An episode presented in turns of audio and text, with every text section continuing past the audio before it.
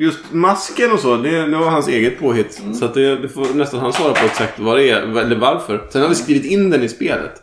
I efterhand. Ja, coolt. Men det- Samtidigt, samtidigt helt nice. Precis. Så det kan gå i den vägen också. Liksom. Så nu finns det, den karaktären finns med nu i, Nej. Fan, i spelet. Men eh, den hittades på.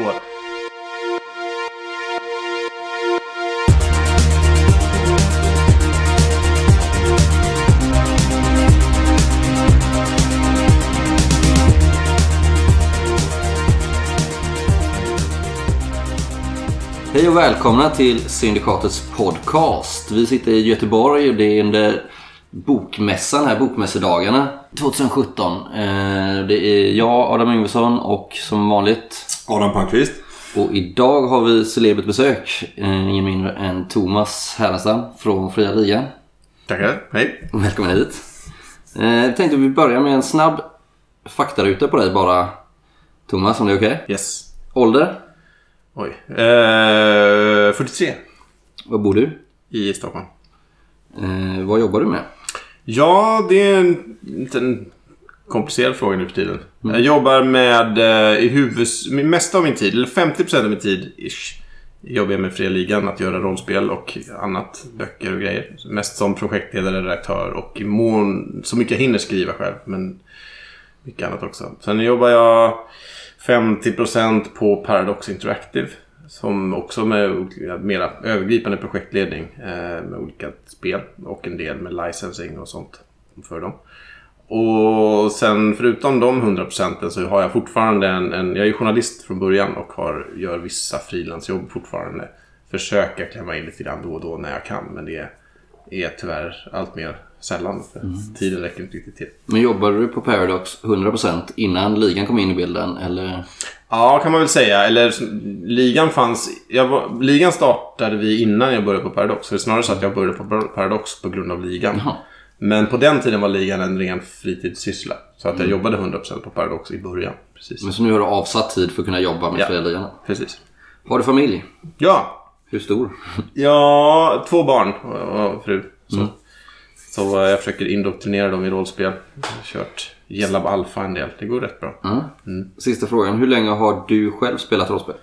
Eh, det är sen 1985 i april. Så det är ett tag. I april. Ja.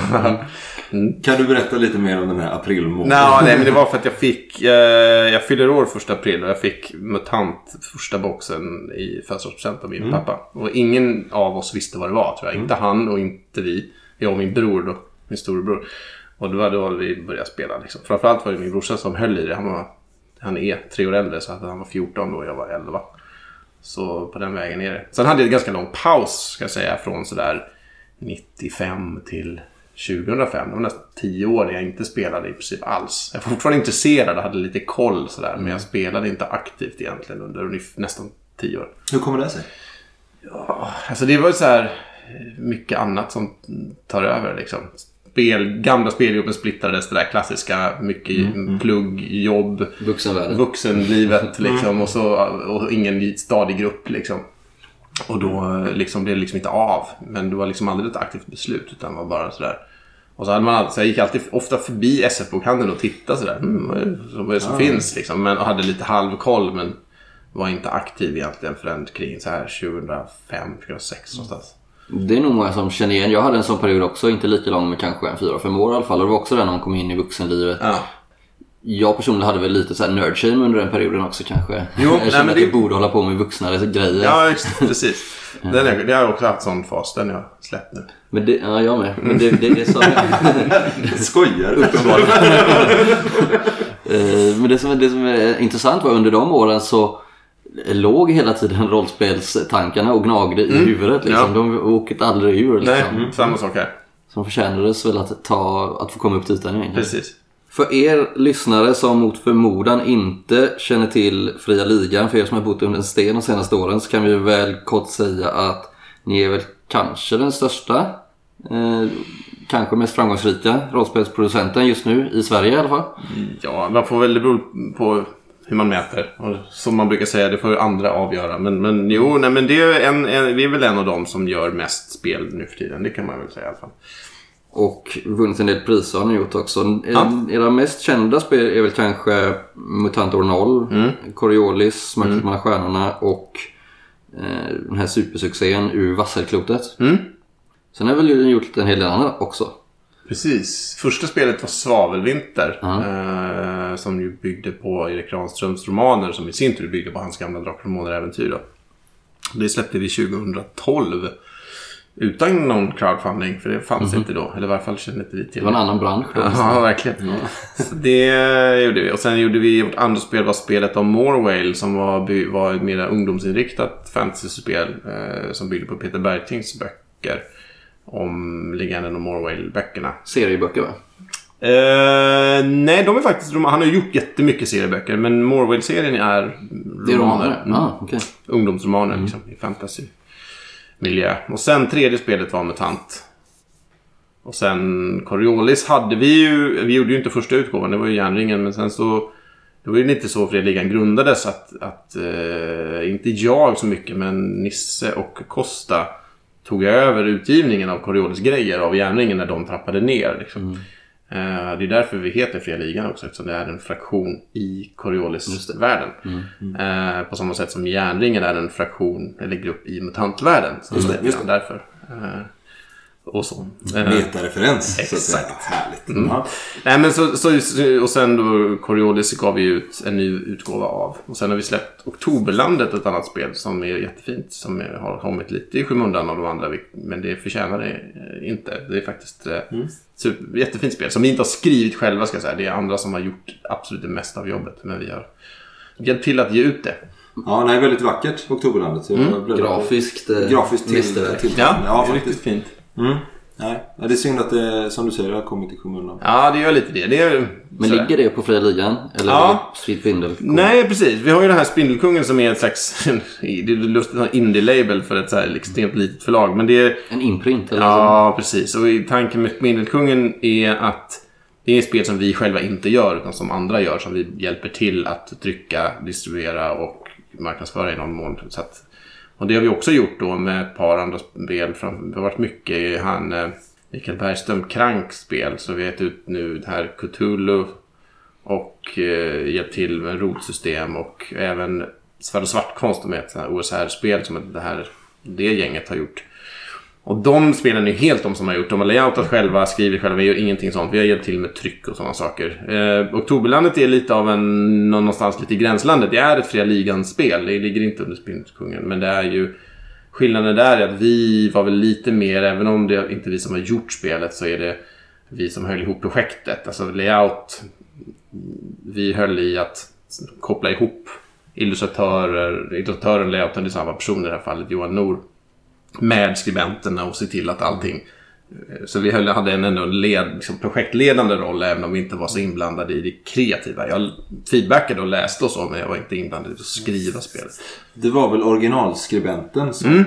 bad om att ni skulle göra det? Eller inte bad, men han, ja, han efterlyste det. ja, men precis. Det är Christian Merstam eh, som gjorde första utgåvan av Oktoberlandet. Det var väl, jag vet inte exakt vilket år, men det kom, det är väl tio år sedan. drygt. Ja, någonstans där. Någonstans sånt. Och ville göra en ny utgåva. Så att, eh, nu minns jag inte exakt hur, vilka turer det gick. Men jag tror väl att han kontaktade oss och att vi började prata. Mm. Och sen på den vägen är det. Men det är lite av en specialare eftersom det är ett spel som vi inte har skrivit. Lite så är det ju även i Varselklotet. är det ju Nils Hintze som är huvudskribent för. Som inte heller är en mm, formell del av Fria Ligan. Men där... Men han har också skrivit på Oktoberlandet va?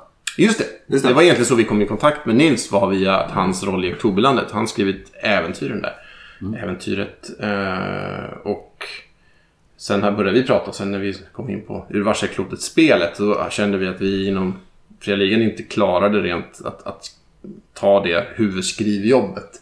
För vi hann inte med det. Vi behövde någon dedikerad skribent som kunde ta det. Och då kom- frågade vi Nils och det, det gick ju jättebra. Det var väldigt, han, han gick igång på det och skrev. Han har ju skrivit spelet. Sen har vi feedbackat en hel del, haft ganska mycket i, satt ganska tydliga ramar från början vad vi ville ha.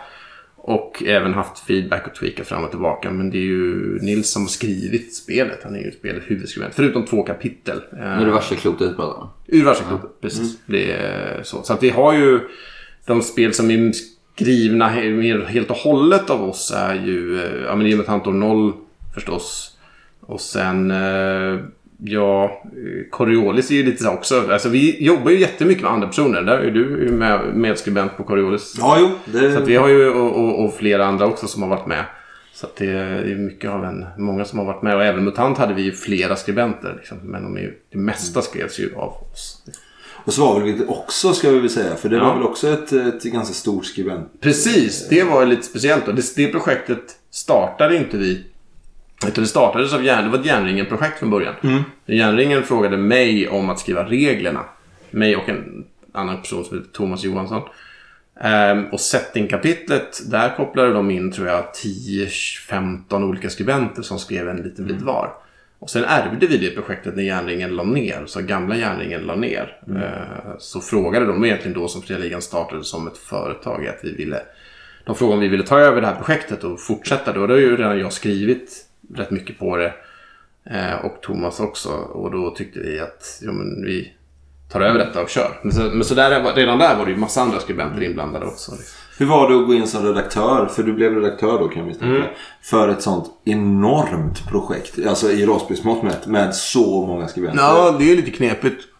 Många hade också skrivit, tolkat uppgiften lite olika, vilket gjorde att det var ganska spretiga texter. Vi löste det genom att vi gjorde dem, vi gav, det var settingtexter om olika delar av den här världen i, i Trakorien då och med Omneid. Men vi, eh, de här settingtexterna, vi valde att liksom publicera dem i boken med fiktiva avsändare i världen, så in-game namn. Och då kunde det liksom motivera varför de var skrivna på olika sätt, Ja, med olika stil och så. Tjusigt. Så ja. det, det var lösningen istället för att så här gå tillbaka till och säga förlåt, sorry men eh, ni måste göra om allt. För det, istället gjorde vi det på det sättet. Liksom. Men det var det, det kanske inte är det perfekta sättet att göra på men det var den lösning vi kom på just då. Men också någonting som rimmar ganska väl med den gamla Tarkorienboken som är skrivet i, ur ett narrativ från Precis. Biror Brådfot heter han. Brinjord Brådfot ja. Just det. Mm. Ja, men det passar Trakorien. Det är det här ganska... eh, Det finns alltid två sidor av varje sak. Det Just finns det. ju ingen absolut sanning och det är ganska sådär... eh, Allt är ganska öppet för tolkning. Det är lite en ganska central del av den, den världen. Och då passar det att göra så här i spelet ganska bra. Men så du är alltså en av grundarna av Fria Ligan med ord, eller? Ja, precis. Tillsammans med Nisse Costa och... Christian. Vi har fyra som grundade det eh, från början. Nu är vi fem delägare för Simon Stålenhage också, har också en femtedel. Så att han är, vi är fem liksom, delägare rent formellt. Liksom.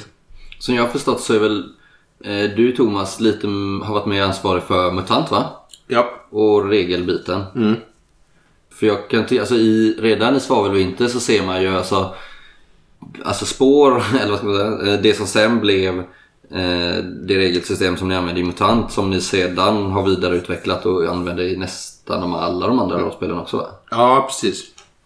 Jo, det stämmer. Vi, vi, det blev en sån process i början. De första spelen, Svalvinter, Morwale och Mutant. Då utvecklade vi, eller framförallt jag, ett nytt system för varje spel.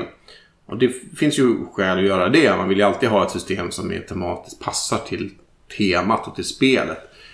Eh, som, som lyfter fram rätt typ av, av historier och rätt typ av teman kommer fram. Och det kan man ju styra med hjälp av reglerna. Eh, Men sen så, och det, det, det gjorde vi egentligen med de tre spelen. Sen så var det med, egentligen med Coriolis där vi, jag tror vi har, inte hur många olika regelsystem som vi faktiskt testat i olika versioner innan den som blev. Det var Fate ett tag, det var något helt annat eget ett tag. Jag tror det här är väl fjärde, men jag tror vi, till slut så när vi hade hållit på med det en bra stund så i några år så kände vi bara, men vi var trötta på att testa nya system och, och försöka få dem att flyga. Framförallt då hade vi kört med Fate, vilket jag var ganska bestämd att vi skulle köra, göra Coriolis ett Fate-spel. Det speltestade vi faktiskt. Ja, just det. Ja, Just okej. det. Då var det lite såhär Bulldog... Eh, Ja, just det. Vi, alltså, och vi kände att vi aldrig riktigt fick det att flyga. eller- Och lite interna speltest kände vi att det blev inte den känslan vi ville ha. Liksom. Det går säkert att spela Fate med Coriolis alldeles utmärkt, men vi fick inte ihop det i alla fall. Och då kände vi så här, nej men vi, ska vi inte bara testa att göra en variant av mutantreglerna? De, vi är ändå ganska, alla gillar dem inte men vi tycker ändå att de funkar ganska bra. Vi är ganska nöjda med dem. Vi ska testa och anpassa dem och köra det. Liksom. Det är ju en fördel också att spelare, om de kan mutant så kan man liksom det här också. Och sen körde vi på det och blev rätt nöjda. Och sen när, efter det så kände vi att det kanske finns en poäng i att inte varje spel ska ha regler som passar det spelet. Men man behöver inte göra om allting. Man kan ändå behålla någon slags kärna i grund, en grundmekanik. Som man kan behålla, i varje fall för de flesta spel. Så nu har vi gjort det både i då Coriolis och eh, Ur varselklotet och det kommer även gälla kommande sp- spelet Forbidden Lands också. Jag tyckte ju eh, när, vi, när vi speltestade Fate just att det fanns, som du säger, det var någonting där som inte riktigt eh, rimmade med eh, Coriolis som setting. Man missade någonting av det som är Coriolis, andan i spelet. Och det tycker jag ju att ni har alltså, löst eh, väldigt snyggt i spelet som det är nu. Liksom. För där tar ni ju, har ni ju gjort det här med vad är det, öde och alltså ikontron och det till en aktiv del av spelet. Liksom. Ja, och det här med bönen då. Att, att liksom religionen och tron har en konkret effekt. Det där kan man ju alltid diskutera om man vill att det ska vara så i, i spel. Eh, om, om, det, om en sån sak som tro ska ha en effekt eller om man vill att det ska ligga liksom hos... Att man bara ska, man ska rollspela det men det ska inte ha någon mekanisk effekt. Men vi ville att det skulle ha en mekanisk effekt just för att det ska framhäva att i den här världen så är den här tron en självklarhet. Det är liksom inte så att, som i, i vår värld här, att man tror eller inte men det är liksom något personligt och som det är ingenting man håller det un- Det är liksom kanske inte någonting som påverkar ens vardag sådär jättemycket för de flesta i alla fall. Men i den här världen så är tron central. Alla, det är en självklarhet att man tror, det är en självklarhet att vad ikonerna gör är något som påverkar min vardag. Och att få in att då är det, att det är en del av regelsystemet framhäver detta. Ja, då genomsyrar det liksom hela Ja, det gör det. Liksom. Precis. Sen så kan det uppstå diskussioner. Så, ja, men är, är ikonerna verkliga då? Vad är de egentligen? Om de kan ha den här effekten och sådär. Men det... Jag känner inte... Man måste inte besvara den frågan Nej. bara för att man har reglerna. Det, Reglerna det kan ju där i alla fall. lämnas outsagt ändå. Exakt. Då blir det ju ett mysterium där. Ja, liksom. mm, precis. Och det ska det ju gärna få vara. Liksom. Ja Så- precis, för just den här, ursäkta att jag avbryter nu då. Eh, Coriolis har ju det här eh, alltså, mysteriekult som en så här, tung eh, gnosticism och liknande liksom, tidig arabesk eh, konsolidering av eh, tradition och rel- religion. Vilket är, eh, finns inga strukturer för hur det fungerar egentligen. Det finns ju ingen kanon nu säger jag utifrån att jag har skrivit så mycket för Coriolis.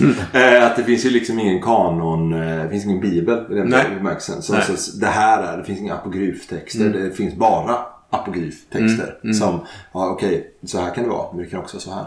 Så.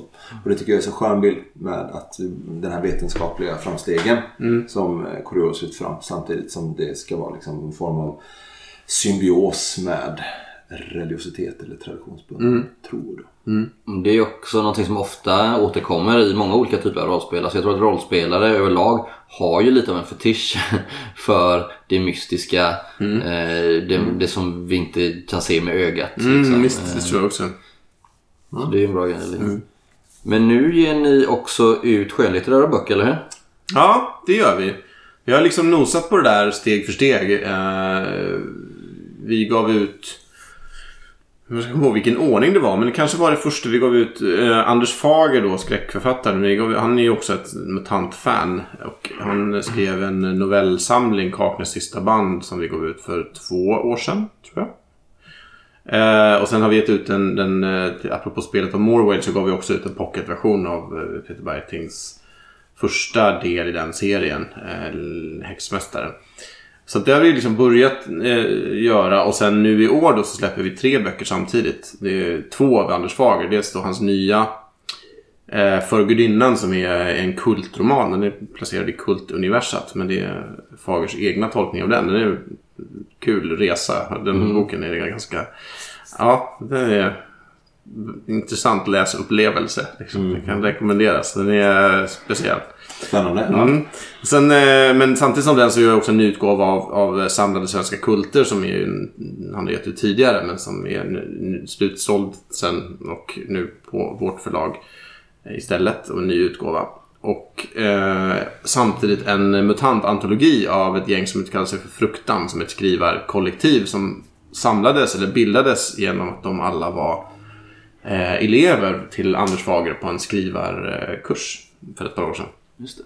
Och de har ju skrivit Stockholms undergång, en novellsamling och nu var de sugna på att göra någonting annat och då pratade vi om, om MUTANT och då eh, skrev de den här novellsamlingen som heter Zonen vi ärvde.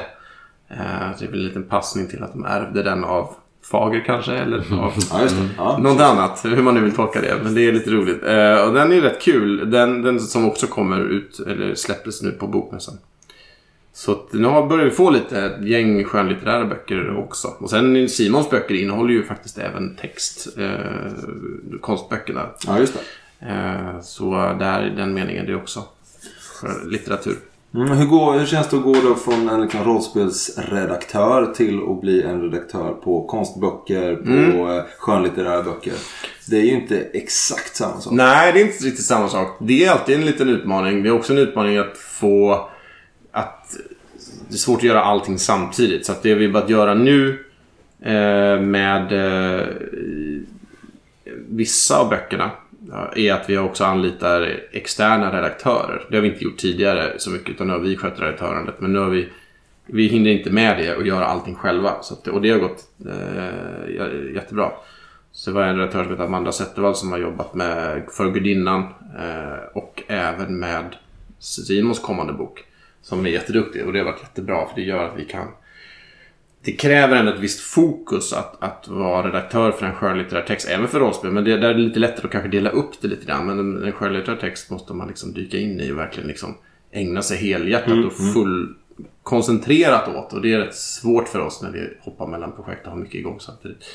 Sen är jag själv, jag har jobbat som eh, skribent och journalist länge innan. Eh, och även på redaktörs och chefssidan sådär. Så jag har ju redigerat text har jag gjort i 20 år. Så det, det är jag van vid liksom. Men, men det är ju snarare det att man inte hinner ta sig an alla de här eh, projekten på det, som redaktör. För att vi behövs någon som är mera fokuserad. Liksom. Mm. Låter man säga.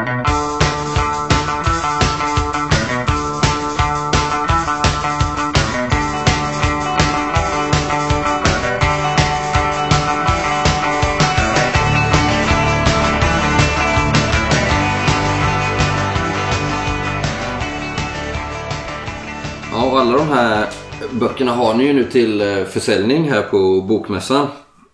Ja. Eh, om vi säger någonting om Bokmässan. Vad, vad, är det som är, vad är det som är så bra med att vara på Bokmässan? Ja, det är inte bara bra, men det, är, det finns mycket bra med det. Eh, det jag tror för, för vår del så är det... vi- började egentligen med, med Gotcon. Det kändes som givna stället att vara när man gör rollspel. Och det var väldigt bra.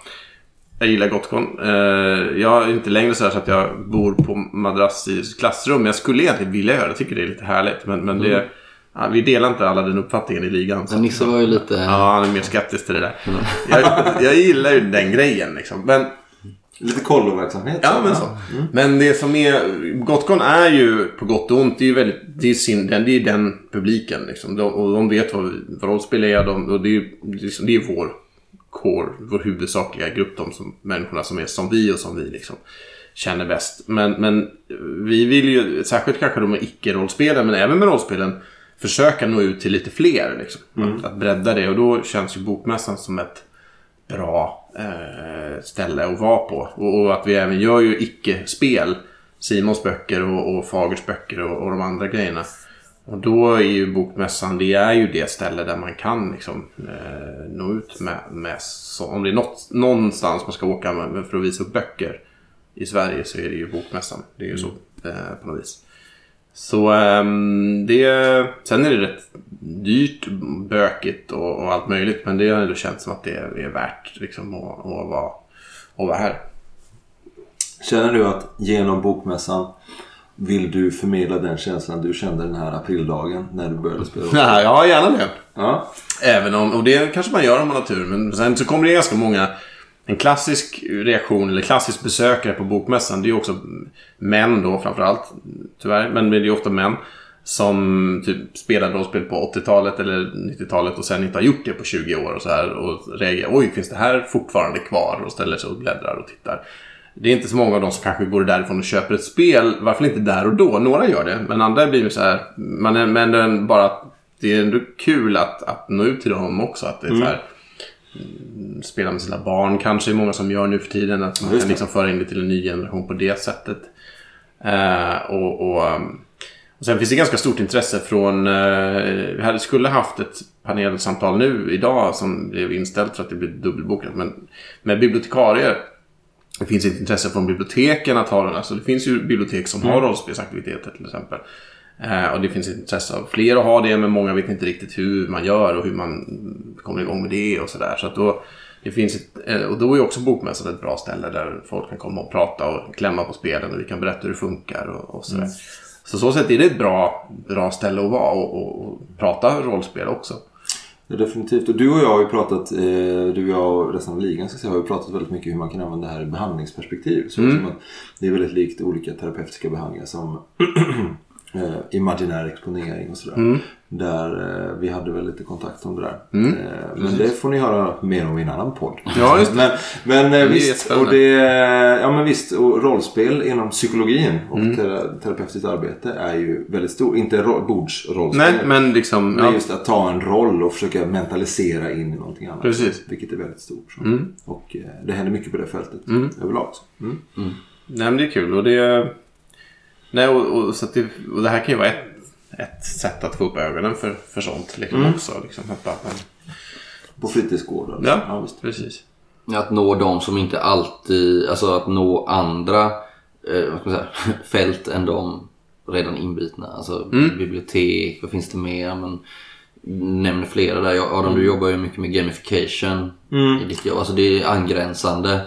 Självklart. Och skola framförallt. Alltså, Jag vet att ni för några år sedan var med på läslovet. Ja, just det. Precis. Eh, för jag tror att det var, var det Petter, alltså hiphopartisten som skrev eh, på, delade en, eh, en Facebook-uppdatering för det var ett par år sedan i och för sig. Som skrev så här, säg vad man vill om rollspel men det får i alla fall ungdomarna att läsa och räkna och så här. Och det är ju väldigt mycket kunskaper som vi ser i skolan som fattas idag. Som rollspelen kan hjälpa till med. Läsa till exempel. Att göra den här huvudräkningen. Som är liksom så basala ämneskunskaper. Som man kan göra roligt genom att spela spel. Mm, Ja. vi, vi tenderar ju lite det när vi pratade med Christer Sundelin här också just det där om att som när du börjar i rollspelshobbyn så gör du ju inte det i, i syftet att lära dig mer. Men efter en vecka som rollspelare så har du lärt dig så oerhört mycket mer. Alltså framförallt ditt ordförråd.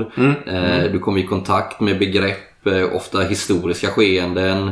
Du lär dig göra någon typ av, alltså utan att du är medveten om det själv, men analyser, teoribildningar kring Problemlösning också. Ja, för den delen också.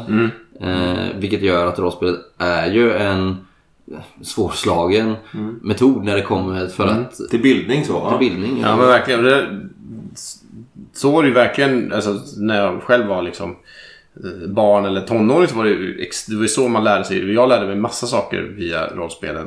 Eh, Men det som är lite kul jag är att, jag, att det fortfarande är så. Det är fortfarande så här, jag är 43 men ändå så här, jag så börjar researcha någonting för att jag behöver det för någon grej i något spel. Och sen så, så här, "Ah, det här var ju skitspännande. Och så började jag nörda in mig på något ämne som jag aldrig hade liksom ens intresserat mig för annars. Liksom. Så det är lite roligt att det än idag har det den effekten. Att det kan så här, trigga ett intresse för någonting. För att man, det är det som är starten och sen rullar det liksom igång.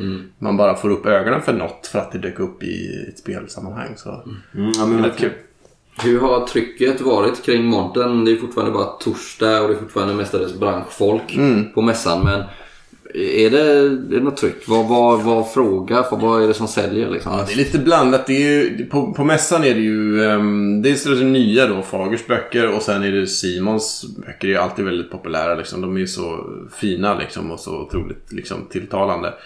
Eh, och visuella, så de, de är ju väldigt... Eh, de är ju alltid väldigt populära på mässor liksom. Så här, än så länge idag har det varit ganska lugnt, men det är ju branschdag som sagt och sådär. Så det har ju liksom börjat smygstarta mer än, än att börjat på allvar liksom.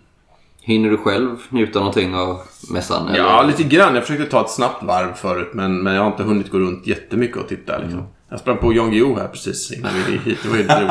Du möttes i toaren? Ja, möttes i toan. Ja, det är alltid kul. Men en reflektion. Jag har ju varit på mässan i flera år nu. Eh, och jag märker ju att fantastik, eh, det kallas det till och med i år, fantastikgränd va? Mm, precis. Det växer ju väldigt mycket. Det är Ja. ju liksom en, en vurmande kultur som kanske inte bara handlar om rollspel utan det liksom det har breddat ut sig. Liksom. Nej, men jag tror det är på väg dit. Det är väl fortfarande vi är liksom i hallen längst bort sådär. Men det är ändå, ändå en ganska stor del av mässan som har lite sån, sån, sån känsla nu. Och det känns inte heller... Det, känns, det finns ett annat intresse för det nu. Eller det finns så många som är nyfikna på det. Det känns som att det inte det är inte så fult och annorlunda och konstigt. Utan det är snarare att folk är nyfikna på det. Liksom. Det jag tycker är så häftigt, det kanske blir lite sidospår, men det är liksom att det känns som att just fantastik som genre och då menar jag liksom allting från fantasy, sci-fi, skräck, alltså den typen av genre. Det finns ett sug eh, där ute hos läsarna som inte riktigt tillgodoses av de etablerade stora förlagen. Vilket ja. gör att det poppar upp många små mindre, mm. alltså egna aktörer som mm. ser till exempel jag har en väninna som jobbar för Mörkesdottir. Mm. De mm. har en monter här nere. Det. Eh, det är också sånt förlag som har alltså skapats egentligen av efterfrågan. Mm. För det finns en efterfrågan. Mm. Eh, men de stora förlagen har inte riktigt sett det än. Det är bara, alltså, och det är ju liksom synd för dem. Men ja. det kommer ju liksom, det är coolt att den här branschen föder, alltså det finns mycket kreativitet inom branschen. Mm. Att den tar den platsen själv. Mm. Men det är väldigt viktigt, där tycker jag också att titta på att, alltså, jag tror att Sverige är ganska mätta på deckare. Liksom. Och därför så, ja.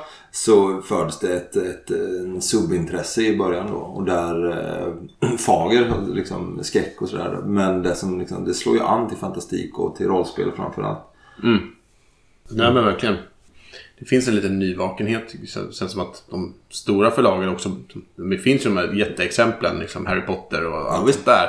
Men att det finns ju så mycket mer. Liksom, och det mm. känns som att det fortfarande är ganska lite yrvaket bland de stora förlagen som fortfarande mest tänker vad är nästa stora deckare? Mm. Den stora rörelsen finns ju nästan på nätet. Alltså mm. Amatörförfattare samlas i olika typer av fanlitteratur. Mm. Bygger ut befintliga ja. verk. Det har vi pratat om mycket i vår podcast. Liksom. Mm. Det kan vara Game of Thrones, det kan vara eh, Star Wars, det kan vara vad som helst. Alltså, ja.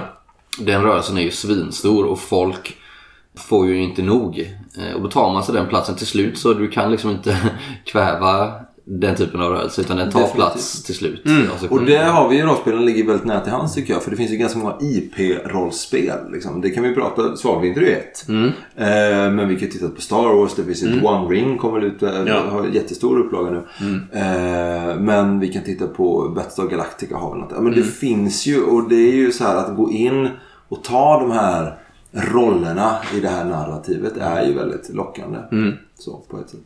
Ja, visst.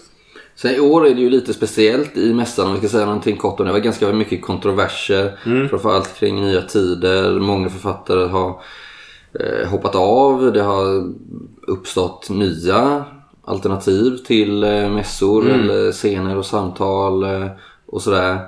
Har ni diskuterat någonting om den biten inom ligan? Jo, det har vi gjort lite grann. Ett konkret så här, problem med, det var ju lite redan förra året, men, men fria ligan och nya tider, det, är lite, det låter ju lite likt. Då, ja, så, jag tror att det till gäller fria tider va? Fria ja, tider precis. och fria ligan. Ja, ja. Så det, det heter nya tider. Det, var, det, det, det, har inte, det har inte, ja precis. Eh, det har inte, det är inte så att någon har tagit miste sådär konkret, men man bara känner, man, så, och jag har svarta t-shirts det står fria ligan. Och, mystisk logga. Med mystisk logga liksom. Man känner så här, det är någon i, så här, på hotellfrukosten som säkert tar fel. Liksom. Det är lite jobbigt. Mm. Man, så här, ja. Men det, det, är ju en grej. Det har inte varit något jätteproblem. Men det är så. Nej men sen vi pratar, vi pratar lite om det och det är klart att det, den debatten har ju man inte kunnat undgå. Eh, men vi har väl ändå känt att vi, jag vet inte, det är en större diskussion om hur man ska hantera den typen av den, den typen av frågor. Jag känner väl själv eh, att, att lösningen kanske inte är att lämna liksom eh, arenan och fältet fritt åt dem istället. Eh, att det är bättre att vara där och, och, och eh, att den här diskussionen, till viss mån så kanske den här diskussionen snarare ger dem mer eh, vatten på sin kvarn, mer uppmärksamhet. Men jag, jag är, det, det, vi har i alla fall fattat beslut att det ändå, vi tycker att det är rimligt och värt att vara på mässan. Liksom, mm. eh, för vår del. Mm. Eh, men, men visst, jag har, jag har ingen... Om man känner att deras närvaro där gör att man inte vill vara där så har jag full respekt för det beslutet också. Vi har inte känt riktigt så utan att det ändå har vägt över att vara, vara här på mässan. Mm. Men det, det är inte lätt liksom. Det är ingen Nej. lätt fråga. Nej. De, men sen ska man ju säga alltså, Nya Tider de är ju skitsmå och det är ingen som besöker deras monter så att deras närvaro på mässan på mässan så går de ju obemärkt förbi liksom. Ja. Utan det är ju det mediala som blir någonting.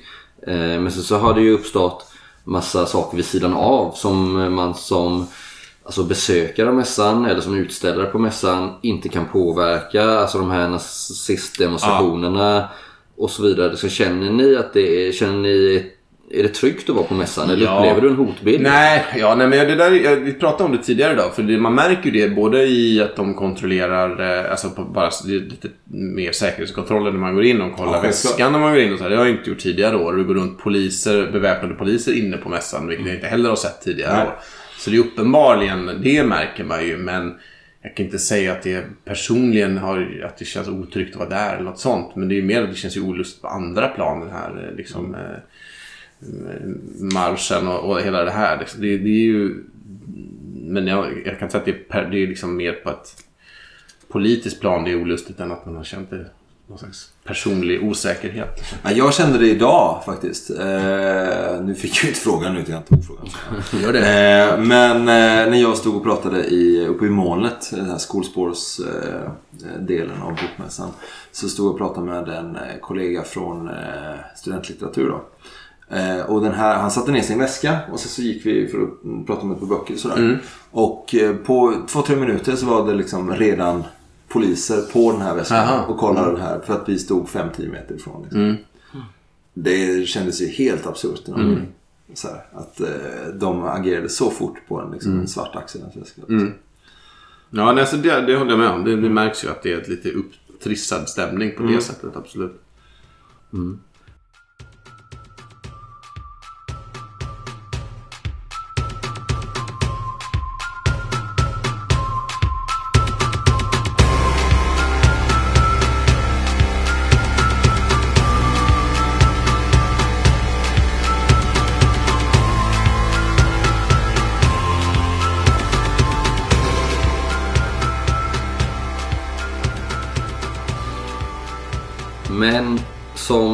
Tur är så finns det ju inte bara de här negativa trenderna utan vi upplever ju också alltså rollspelshobbyn upplever ju å sin sida en oerhört positiv trend just nu.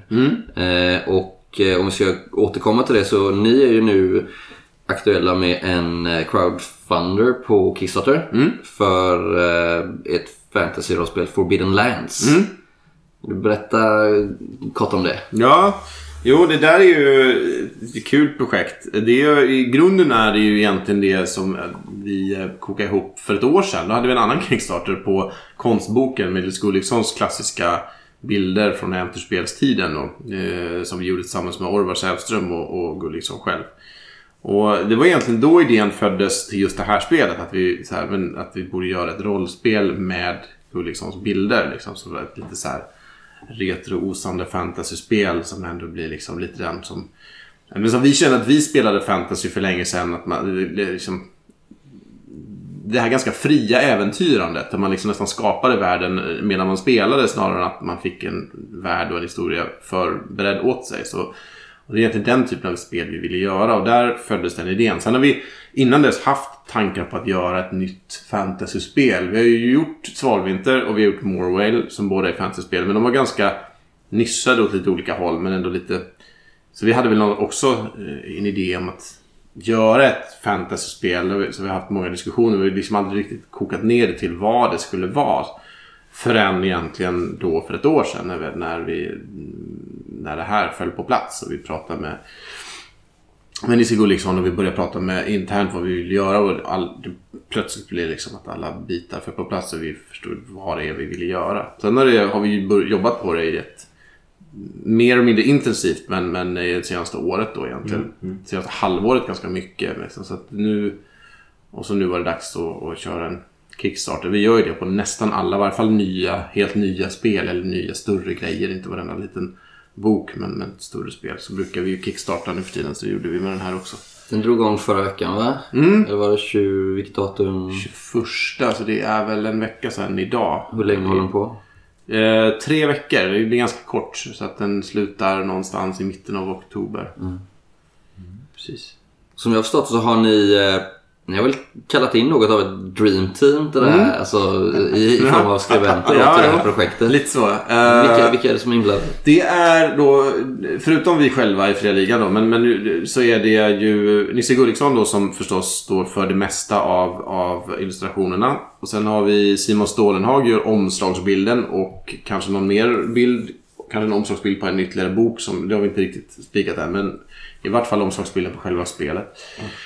Och, eh, och sen så har vi ytterligare illustrationer av Niklas Brandt som har gjort en del för Riot Minds innan. Eh, jätteduktig och gör, han gör liksom kompletterande illustrationer i lite Nisse-stil. Gjorde inte han mycket kartor och sånt? Ja, han har gjort sånt också. Så han kommer också göra kartor och mycket sånt. Alltså han, han är, eh, kommer också ha en viktig roll. Eh, och sen på skriv, eh, textsidan så är det ju Erik Granström som, som är huvudskribent för inte regler men, men, men, men värld och äventyr och de här äventyrsplatser som är det format som vi använder.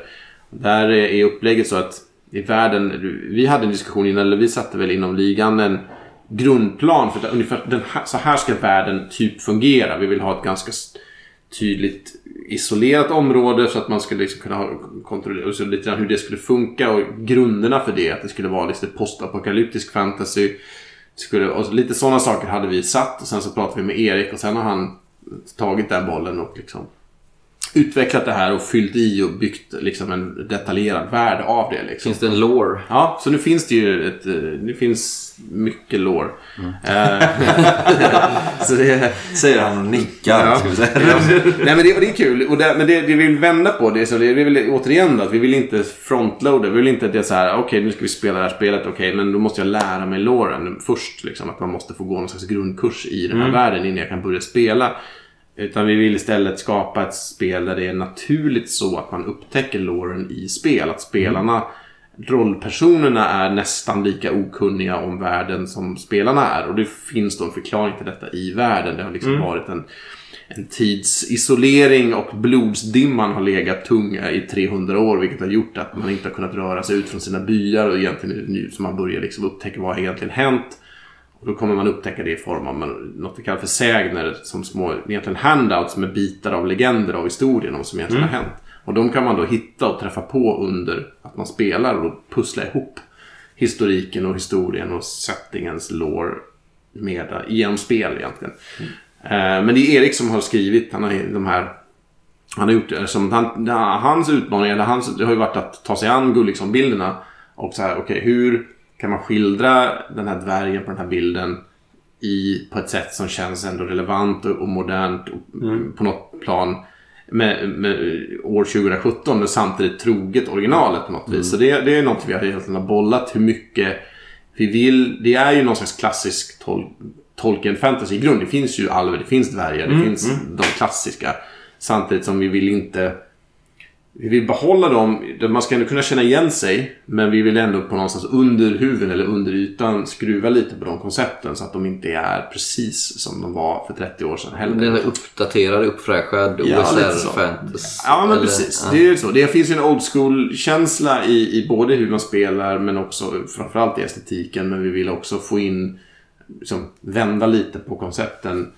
Eh, på hur saker och ting funkar och hur de här släkterna interagerar med varandra och vad som egentligen ligger bakom där. Liksom. Det är, hur till exempel Ja, det är en så enkel sak som, som bara orker, det måste vi ju ha. Så här, men okej, hur gör vi orker? Orker kan inte bara vara så här, den onda rasen som förtjänar att dö. Vi måste göra något annat av orkerna och hur gör vi det? Liksom? Så det är den typen av diskussioner vi har haft där vi har gett orkerna en backstory som de kanske har rätt liksom. Det är kanske vi som har fel. Ja, men till exempel. Ja, men det är ju väldigt spännande. Så Väldigt det är lite koncept, så. Ehm, lite sådär. Det är det, sånt vi har liksom försökt. Erik och vi tillsammans. Men det är Erik som har gjort the heavy lifting. Vi har mest tyckt och han har skrivit. Liksom. Ursäkta min okunskap nu, jag måste bara fråga. eh, Har Gulliksson och eh, Granström eh, arbetat tillsammans någon gång? Mm, nej. Nej. Jag, jag måste... För det är ju två legendarer Ja, från, från den gamla eran så att säga. Det är lite kul det där, för jag tänkte den frågan också. Jag har faktiskt aldrig eh, frågat dem rakt på. Men jag, om jag, som jag vet jag minns så har de inte det. Nej. De klassiska Granström-grejerna till Drakar och Demoner var ju inte Gulliksson som illustrerade. Nej. Det var utan andra som gjorde. Så jag tror inte det. Det är lite roligt också att föra ihop de två. Liksom. Och Gulliksson kommer också göra en del ny, eh, nya illustrationer till det här spelet. Eh, så det blir ju det blir också kul. Det känns lite som att det är eran eh, specialitet. Det låter som att jag bara ger komplimanger alltså, och smörar. Men Nej. just det här att ni är, eller ni ligger i framkant i alla fall jämfört med andra spelkonstruktörer. Lite hur man eh, vad ska man säga, tweakar eh, något gammalt till att bli någonting Ja. nytt och fräscht. Men också hur ni får in en relevant eh, regelmekanik. Det var lite det, inte bara regelmekanik men mekanik överhuvudtaget. Spelmekanik. Alltså, eh, använder, ni använder ofta så här Story Now-inspirerade drag där också. Liksom. Som också förklarar hur världen funkar och att man liksom eh, avslöjar det under spelets gång på något vis. Att ni är väldigt medvetna i den processen. Ja, det där, precis. Alltså, det man skulle kunna kan anklaga oss för och säkert med rätta i, viss fall, i vissa fall är att vi kanske är så här lite trendkänsliga. Men, men det, alltså, jag, tror att vi, jag tror att det som förenar oss i, i ligan är att vi tycker det är väldigt spännande att se vad som händer i, i bland rollspel och följa med i vad som händer och se vad som görs liksom, och vad andra gör. Inte så att vi ska göra exakt samma sak, men så här, okej, det här var ju jävligt spännande. Hur kan vi göra det här ännu coolare på vårt sätt? Liksom, Att man hela tiden tittar på vad som händer där ute. För jag, jag vill inte säga någonting om andra konstruktörer, men jag tror att en, en risk eller en fälla man kan gå i är att man sitter på kammaren själv i tio år och skriver sitt perfekta rollspel. Men inte kanske s- se vad andra gör. Och då är risken att man gör någonting som, som inte känns så relevant och som kanske missar att, en del som faktiskt att det får skett en del utveckling. Så att det är vi... Jag tror det är inte mer en strategi. Det är nog mer att vi alla tycker det är jävligt spännande att se vad som händer med, i rollspelsbranschen. Och försöka liksom göra vår egen variant av det och även bygga någonting nytt. Eh, och eh, bygga något eget av det. Men att liksom hela tiden vara medveten om vad som händer omkring oss. Liksom. Mm. Vad var det fler för skribenter då? Är det fler än Granström? Mm, det, är, det är ett par till. Eh, Granström är ju huvud, förutom, jag kommer förmodligen skriva det mesta på regelsidan. Eh, så det är ju så. Men, och, Granström skriver det mesta på setting, äventyr. Sen kommer de andra i ligan skriva lite grann här och var. Exakt se var det landar i. Jag tror alla, det här spelet är en sån där som allas darling. Det är lite på gott och ont för alla har jättemycket åsikter. De andra spelarna är lite mer så här, MUTANT är lite så här, det är lite min grej. Coriolis det är lite grann Nisse och Costa och sådär. Men det här är så här, alla är lika engagerade. Så det är, det är bra men det är också lite leder till ganska intensiva diskussioner. Men sen så kommer vi ha lite andra skribenter också eh, externa och det är, lite grann har vi tagit in som stretch goals också. Det finns en kille svensk som heter Carl Stjernberg som eh, är eh, lite så här OSR eh, han gör jävligt snygga kartor och bygger dungeons. Han kommer göra, skriva en, en sån här äventyrsplats. Äventyrsplats är ett koncept där man eh, skap, man, som i spelet, det är som en plats. Det finns tre sorter. Fästning, eh, by och grotta. Och då kan man liksom placera ut dem på olika ställen på kartan. Och varje sån här plats är liksom en, en spännande ställe med, som, med intriger, personer, platser och händelser man kan råka ut för. Det är som ett äventyr fast vi vill undvika att man måste följa en tråd igenom den. Utan det finns olika ingångar. Jag tänkte ni gjorde sådana här zonkompendier. Ja. Är det lite liknande? Det är lite liknande. De här eh, till MUTANT har gjort med zonkompendier som har zonsektorer. Särskilda zonsektorer som är... mm, Ja, men det är tio sidor med karta och liksom... Det är som ett miniscenario fast med ganska öppen ingång. Det här är lite liknande. Vi utvecklar konceptet lite grann. Vi vill ha det här ska ha lite mer... Lite mer att bita i, lite mer kött på benen. Vissa zonsektorer har, har ibland känts lite för kortfattade. Vi vill liksom att de här ska vara lite mustigare. Liksom. Men, men annars är tänket ganska likt. Och det som är bra med dem är att de, vissa kan kopplas ihop till en större backstory som, det som de som Erik gör. Men nästan alla har hookar in i en större berättelse. Men det går också att skriva helt fristående som är sådana. Och det är ganska lätt och, och då kan olika skribenter göra dem så länge de bara förhåller sig på något sätt till den övergripande settingen förstås. Eh, och då kommer vi ha, Carl Stjernberg kommer göra en sån. Och så har vi också kontaktat ett gäng eh, amerikanska skribenter som är lite sådär i ropet. Jätteduktiga. Patrick Stewart heter en. Eh, ben Milton en annan och en tredje vars namn jag har tappat just nu. De är lite i OSR, sån här old school renaissance-svängen och har gjort sig ett namn där. Eh, och det här spelet är inte, det är ju inte liksom renlärig OSR, men det har ju drag av det. Det är lite, samma stämning. Ehm, eh, så de kommer också komma in och skriva vissa sådana här eh, adventure sites eller äventyrsplatser. Då. Eh, så letar vi efter fler. Vi letar också efter fler eh, kvinnliga skribenter. Vi har kontakt med några men vi har liksom inte löst allting än. Så vi, vi håller på att jobba på. Men det är liksom ett spel. Vi vill att det här, det här spelet ska bli lite som en... Det ska liksom inte vara en enmansföreställning utan det ska snarare vara ett, ett, ett, ett, liksom en canvas. Ett, liksom ett, där ett, ett, en målarduk där många kan vara med och bidra med sin del liksom, och bygga detta. Liksom, så länge man Men ändå inte lapptäcke eller? Nej, det får inte bli för lapptäcke. Det är naturligtvis risken. Utan, men där har vi liksom, det är därför jag också håller det liksom, liksom ganska ty- geografiskt ändå ganska tydligt begränsat. Och vad en sån här äventyrsplats kan vara är också lite begränsat. Då. Du kan, om du håller, den behöver alltid förhålla sig till den övergripande historiken i den här, i den här världen. Den, den behöver gälla i all, för samtliga. Däremot på det lokala planet kan man hitta på ganska mycket själv så länge man liksom inte motsäger någonting. Det går inte att plötsligt hitta på att jo men i det här landet levde det för 500 år sedan en, någonting som totalt motsäger det vi har sagt Ja, i historiken. Man måste ju förhålla sig till de där stora grejerna. Men så länge man gör det så finns det ganska mycket frihet. Liksom.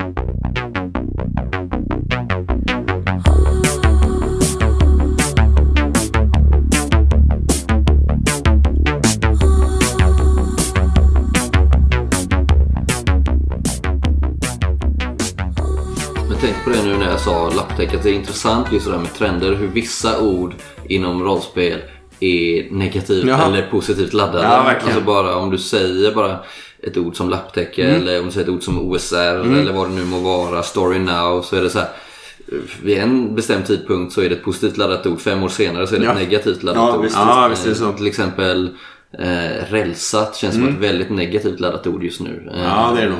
Fast det kanske inte alltid bör, eh, bör anses vara Nej, alltså, Nej. Det ska vara jättespännande berättelser som jag älskar. Liksom. Ja, ja. Fast det, det, det är liksom... Det Ja. går absolut att göra bra rälsade grejer också. Det är ju liksom inte, ligger inte i det egentligen. Liksom.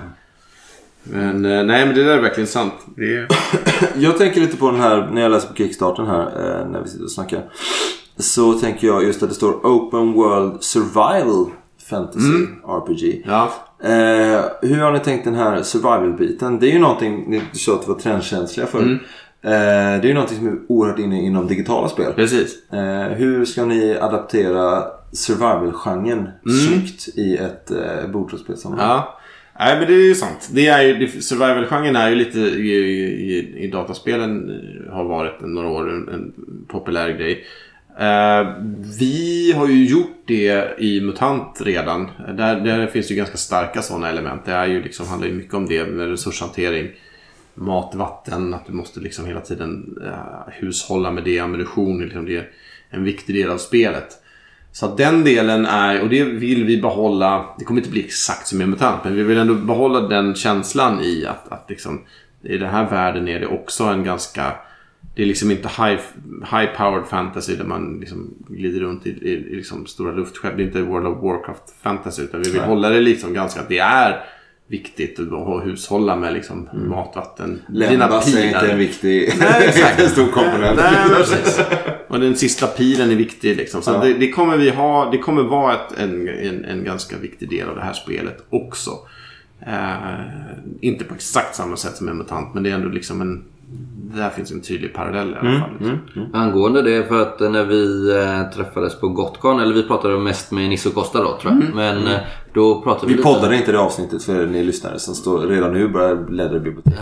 Ja, Nej men då, då, eh, och det var ju i, när var det? I mars? Mars, april där. Ja, ja, det var nog april till och med. Eh, och då var det här fortfarande bara, eh, pratar man om det som fantasyprojektet typ. eller fantasyspelet. Eh, och då frågade jag eh, Nisse, tror jag det var, liksom eh, om vad har det här spelet för USP? Eh, unique selling Point. point. Ehm, och då var det lite oklart vid den tidpunkten. Ja. Enligt Nisse, det, det är lite det vi jobbar på just nu. Och nu känns det som att den här survival-biten, kan, alltså nu, är det ju klart liksom. Och nu känns det som att det verkar vara mm, tydligare. Ja, men det hoppas jag. Vi har ju hållit på och filat på det under tiden emellan här. Eh, det är...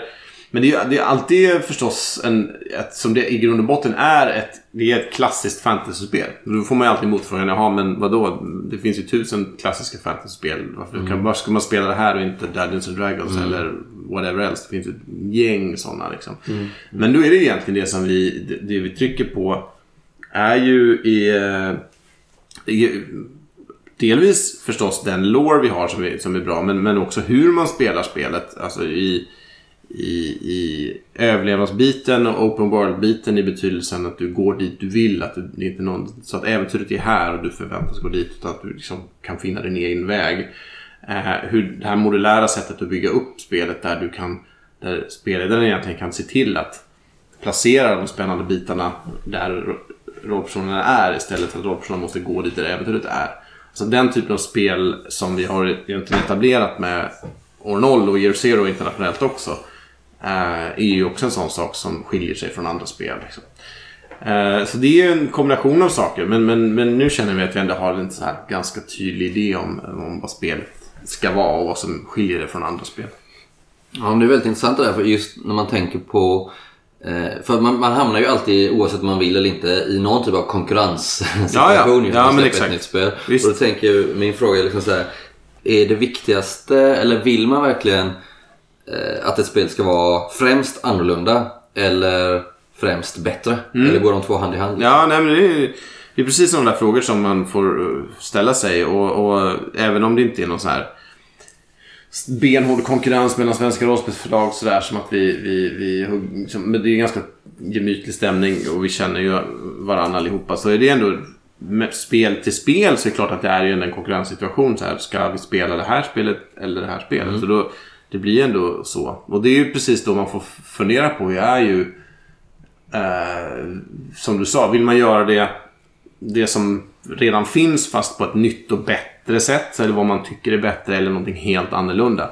Och det är ju det är ju två vägar att gå och det här spelet har väl vissa drag i att vi vill göra det som är gjort fast på ett lite annorlunda och enligt oss bättre sätt snarare än att det är någonting helt. Det är inte det mest om man ser till världen och så, så är det ju inte det mest, inte det mest annorlunda fantasyspelet som man har sett. Utan det, jag menar, det är ju bara ut, det, eftersom det utgår från Gullikssons eh, illustrationer från liksom, eh, 80-talet så, så är ju det någonstans en slags standard fantasy som det grundar sig i. Även när vi försökt skruva på det. Liksom. Så det är snarare så här att ta hela det konceptet, göra det på ett lite annorlunda sätt och spela det på ett nytt sätt.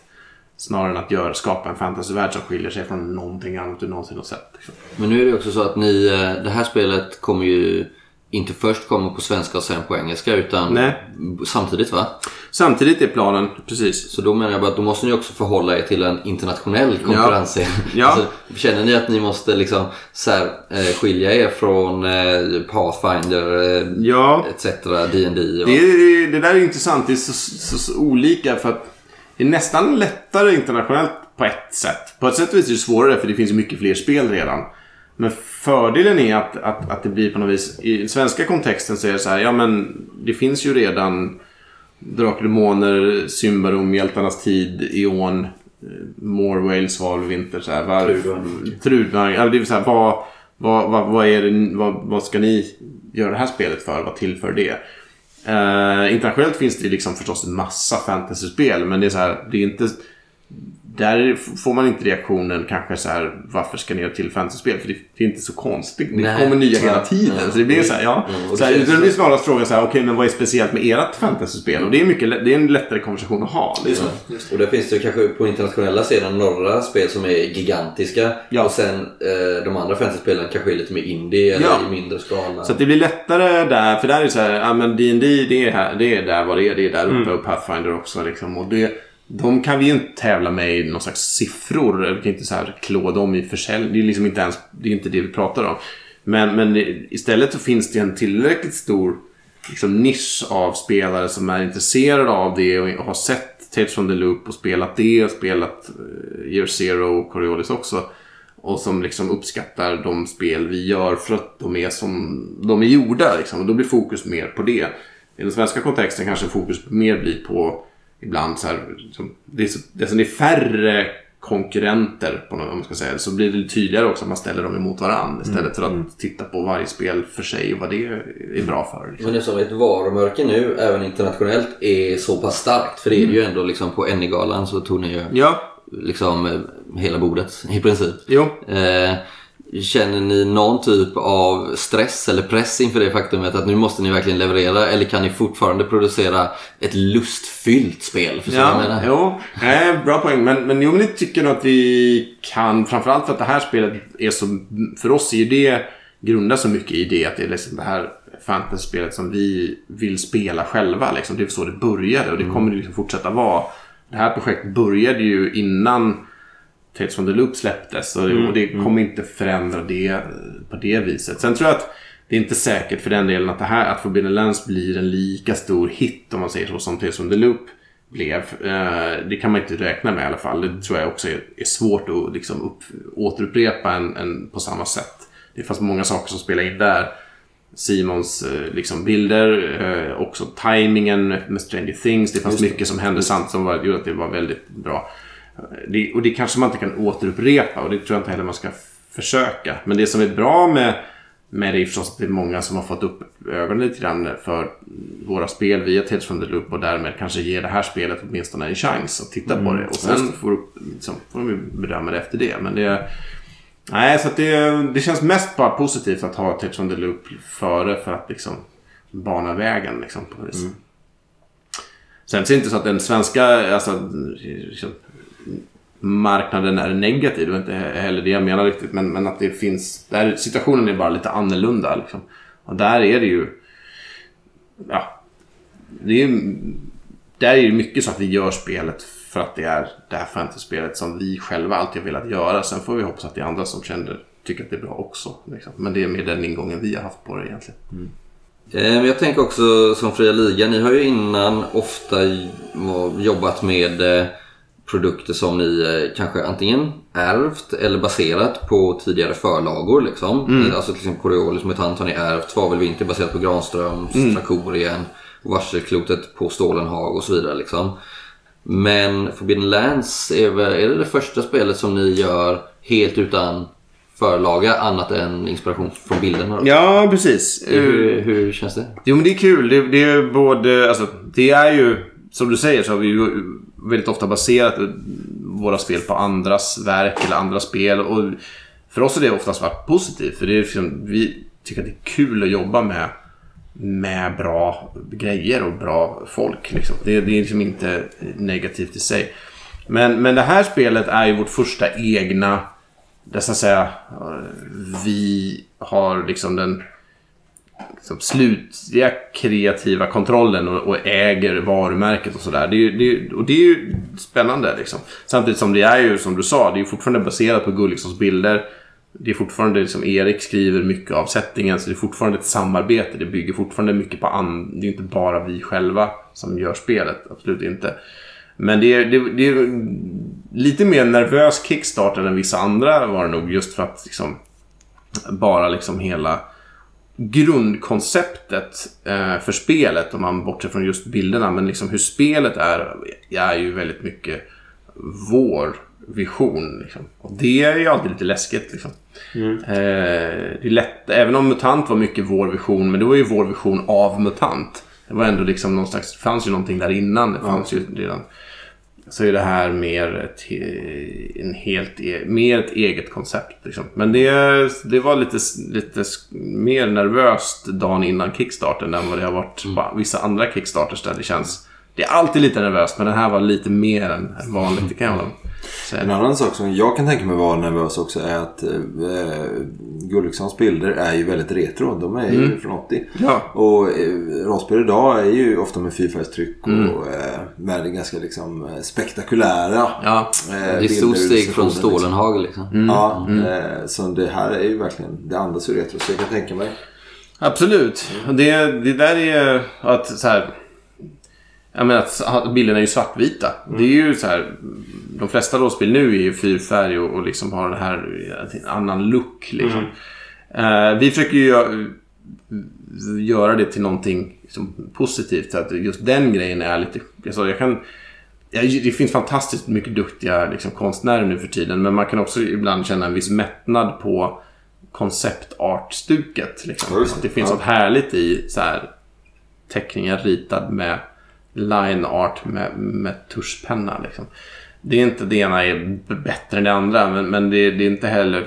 Det kändes lite skönt att, att gå åt ett annat håll. Liksom.